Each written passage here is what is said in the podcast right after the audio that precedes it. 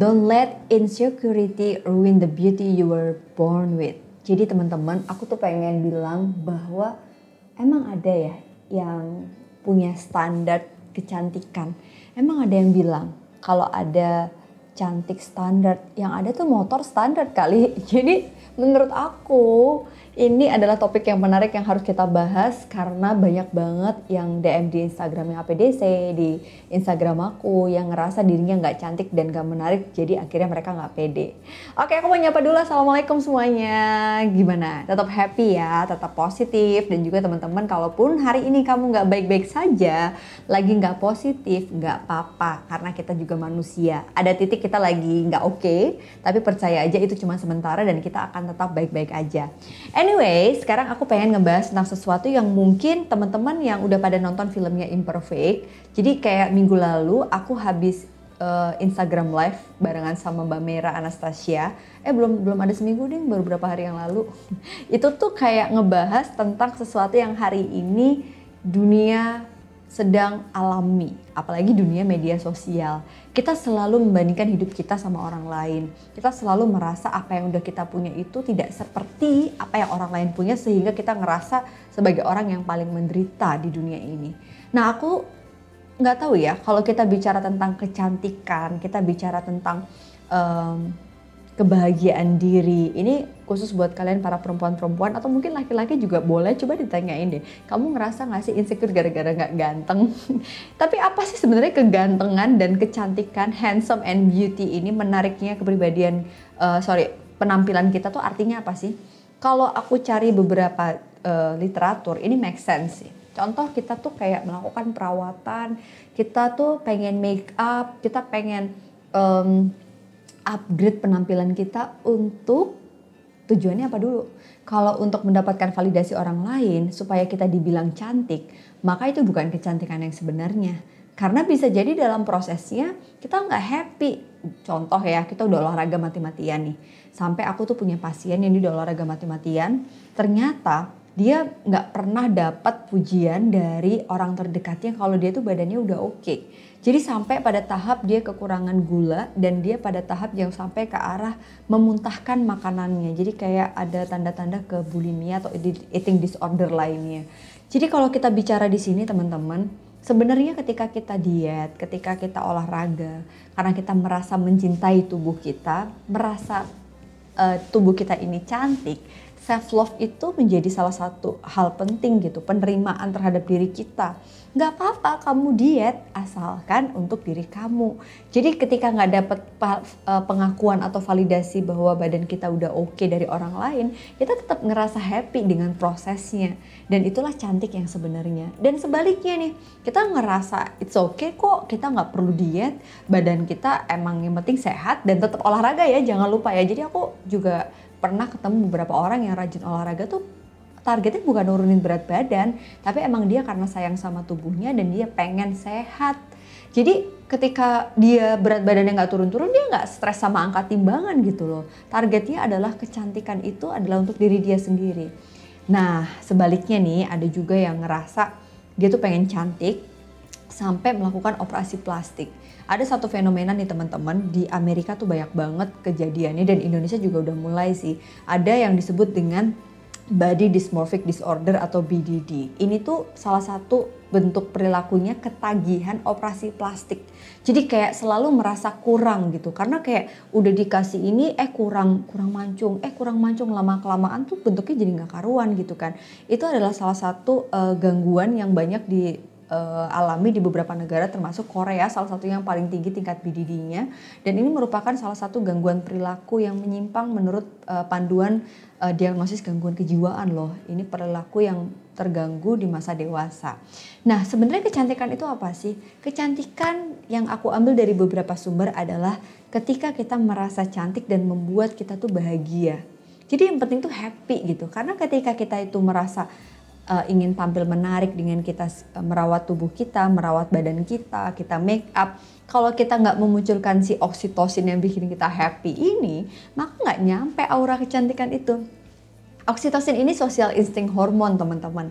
Dia akan terproduksi kalau kita itu memancarkan satu relax, uh, satu kondisi relax yang membuat kita tuh happy, sering senyum, sering menyapa orang lain. Jadi kalau kita bilang inner beauty ini nih si kerjanya oksitosin tadi gitu. Sebaliknya aku kayak sering ketemu dengan perempuan yang wajahnya kayak Barbie, badannya tuh oke okay banget, tapi kayaknya dia memusatkan arti kecantikan itu tidak pada arti yang sesungguhnya kecantikan dia didasari oleh validasi orang lain sehingga kalau tidak ada pujian dari orang lain oksitosin itu nggak terproduksi dan bayangkan teman-teman itu yang akhirnya membuat 84% perempuan di Indonesia mengaku tidak tahu kalau dirinya cantik. Dan 72% percaya bahwa untuk mencapai sukses dibilang cantik dia harus punya standar tertentu. Cantik itu harus tinggi, harus kurus, harus putih, harus rambutnya lurus, harus aduh pokoknya banyak banget deh udah kayak motor standar aja kalah gitu ya dari standar kecantikan ini. Dan akhirnya di salah satu riset yang dilakukan di Amerika memang bener nih sebanyak 67% perempuan di Amerika yang usianya 25 sampai 45 tahun itu tercatat melakukan diet ekstrim yang bahkan 53% pelaku dietnya itu memiliki berat badan yang udah ideal, tapi dia masih pengen nurunin berat badan. Wah ini kadang-kadang aku juga ada sih di titik itu teman-teman. Tapi ternyata setelah aku sadari, kalau sampai membuat kita jadi nggak nggak bisa beraktivitas, yang penting gini nih, kita tuh nggak apa-apa kalau memang kita pengen menjaga berat tubuh kita. Yang membuat kita merasa happy cantik adalah ketika berat badan kita ideal. Mungkin itu yang membuat kita happy. Tapi artinya kalaupun ada orang yang bilang badan kita jelek gitu ya badan kita nggak bagus ya nggak apa-apa. Yang penting kita udah mencapai kebahagiaan itu. Itu sih intinya. Yang ditakutkan adalah kalau misalnya badan kita udah ideal karena kita berada dalam lingkungan yang nggak positif, yang pada bully, yang pada nggak pernah appreciate, jadi self esteemnya itu rendah gitu. Ketika kita udah diet, kita tetap aja ngerasa gendut. Dan pada akhirnya tercatat juga dari riset tadi, sebanyak setengah gadis di Amerika melakukan diet ekstrim dengan obat penurun berat badan yang gak aman dan melibatkan uh, satu sistem tubuh yang bahaya tuh dia tuh melewatkan jam makan, puasa berlebihan sampai akhirnya mereka harus minum obat pencahar supaya mereka tuh bisa mendapatkan berat badan ideal. Emang sadis sih media hari ini. Ya gimana enggak? Ya yang kita lihat model-model juga badannya kayak um, manekin gitu kan. Kita nggak bisa gitu. Apalagi kalau ibu-ibu yang sudah punya anak pasti tahu. Ada bagian-bagian tubuh yang memang kita udah nggak bisa kayak gadis dulu lagi gitu kan Nah, sebenarnya istilah-istilah seperti um, masalah gangguan perilaku di masa dewasa akibat standar kecantikan yang dibuat oleh dunia dan media itu banyak banget loh teman-teman. Mulai dari obsessive compulsive disorder atau OCD. Jadi kayak selalu merasa, aduh aku ada yang ini ya, aduh muka aku gini ya gitu. Terus kalau berlebihan dia sampai tidak bisa menjalankan aktivitasnya secara maksimal. Jadi kayak terganggu tidurnya, sulit makan atau sebaliknya. Yang kedua tadi BDD tadi ya, uh, body dysmorphic disorder. Jadi dia kayak ada semacam ketagihan untuk melakukan salah satu perilaku yang menonjol adalah operasi plastik atau mengubah bentuk tubuh seperti sedot lemak dan lain sebagainya. Ada juga yang mengalami anxiety, uh, gangguan kecemasan menyeluruh, gangguan perasaan dan sampai ke arah eating disorder. Nah, tapi teman-teman, kalau kita lihat di sini nih ya, apa yang harus kita lakukan hari ini? Aku pengen ngajak kalian buat percaya lagi deh. Kemarin aku habis Instagram live beberapa waktu yang lalu barengan sama Mbak Mera Anastasia kalau kalian tahu dia penulis bukunya Imperfect yang akhirnya dijadikan kisah non uh, kisah fiksi gitu ya dengan film layar lebar dan aku menontonnya sih di Netflix. Mbak Mera ini istrinya Mas Ernest yang menurut aku tuh dia jujur banget gitu. Dia cerita sebagai istrinya public figure uh, dia tuh sempat nggak pede karena waktu itu dia jadi ibu rumah tangga ada perubahan peran juga yang dia alami jadi bener nih teman-teman kalau kita lihat dari episode sebelumnya dari salah satu hasil risetnya Rahe and Holmes gitu ya bahwa perubahan dalam setiap peran kehidupan manusia itu bisa memunculkan stresor. Nah Mbak Merah tuh cerita gitu, dia tuh di rumah aja dan dia ngerasa kalau jadi istrinya public figure sekelas uh, artis seperti Mas Ernest sih punya standar cantiknya tuh harus begini begitu begini begitu dan nggak jarang statement negatif dia dapatkan dari para netizen. Wah itu aku nggak ngebayang sih jadi istrinya Mas aja aja pusing apalagi Ernest atau artis yang lain. Tapi intinya gini nih teman-teman, yang aku pengen bilang adalah sebenarnya wajar nggak sih kalau kita di posisi itu dan merasa terganggu? Sangat wajar. Karena kita tuh manusia biasa gitu loh. Pasti punya insecurity dan bahkan insecurity kita itu beda-beda gitu. Ada orang yang insecure dengan penampilan fisik. Tapi justru menariknya teman-teman, insecure yang aku alamin itu justru kebalikan.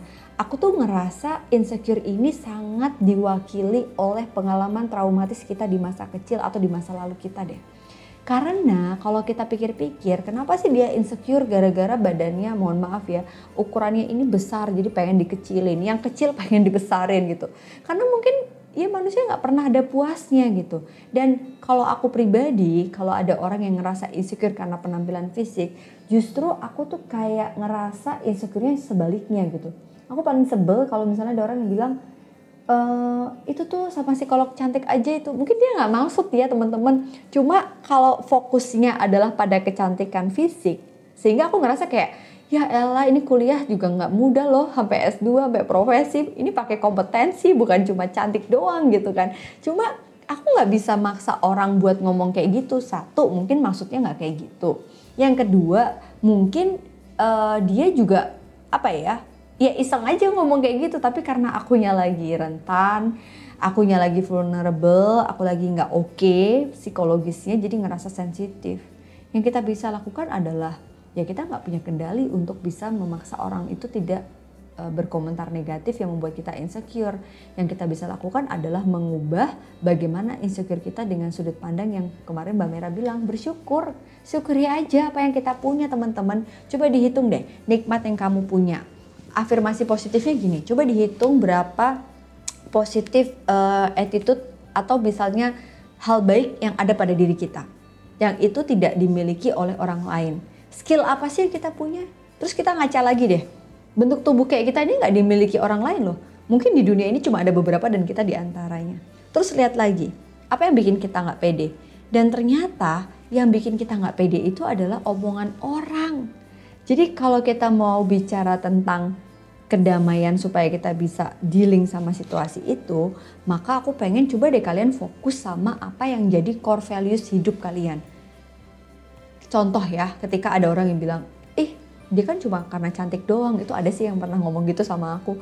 Terus rasanya tuh gemes banget. Emangnya kamu pikir aku sekolah ini nggak bener-beneran serius apa emang emang mudah gitu kan? Rasanya kayak kita tuh diremehin dianggap sepele gitu.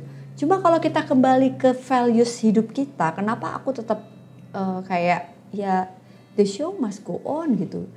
Panggungnya tetap harus jalan. Analisa punya tujuan hidup di panggung uh, kehidupan ini. Dia pengen jadi se seorang psikolog yang bisa menebar banyak manfaat. Kalau ada orang yang ngomong kayak gitu, nggak usah didengerin. Kembali ke values kita gitu. Dan akhirnya ketika aku fokus pada valuesku, waktu yang aku habiskan adalah untuk mengembangkan kompetensi untuk mengisi apa yang aku bisa lakukan sesuai valuesku.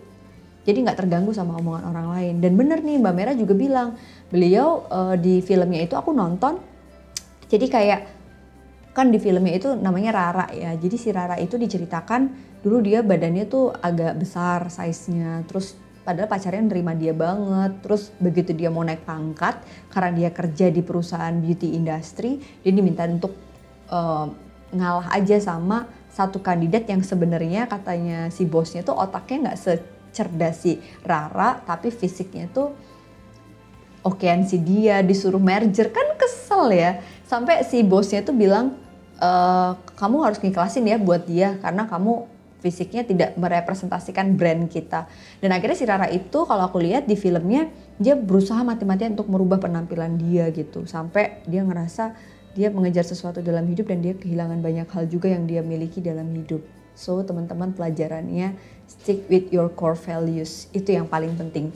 Dengan kita tahu apa tujuan kita, apa values kita, aku ngerasa gak akan pernah ada yang bisa melabel kita dengan label apa pun di dunia ini kecuali diri kita berikan label positif terhadap diri kamu, afirmasi positif, karena yang paling tahu tentang kecantikan kamu adalah diri kamu sendiri. Fokus aja sama itu. Dan fokus sama orang-orang yang bisa mengapresiasi kamu, bukan mereka yang membuli atau justru menjatuhkan kamu. Semangat ya perempuan Indonesia, percaya deh, nggak ada perempuan yang nggak cantik. Kita tuh dilahirkan dengan jenis kulit yang beda dari laki-laki. dengan hormon yang berbeda yang lebih indah daripada pria. Jadi kalau kita di sini menjaga tubuh kita untuk tetap merasa cantik itu adalah salah satu cara kita untuk bersyukur. Jangan pernah pengen jadi orang lain karena di situlah kita nggak pernah ngerasa cukup. Tapi kita jadilah diri kita sendiri. Nah dengan seperti itu inner beauty ini bisa terpancar nih ya kan. Thank you ya yang udah nonton Alisa Channel dan sampai jumpa di episode berikutnya. Bye, Assalamualaikum.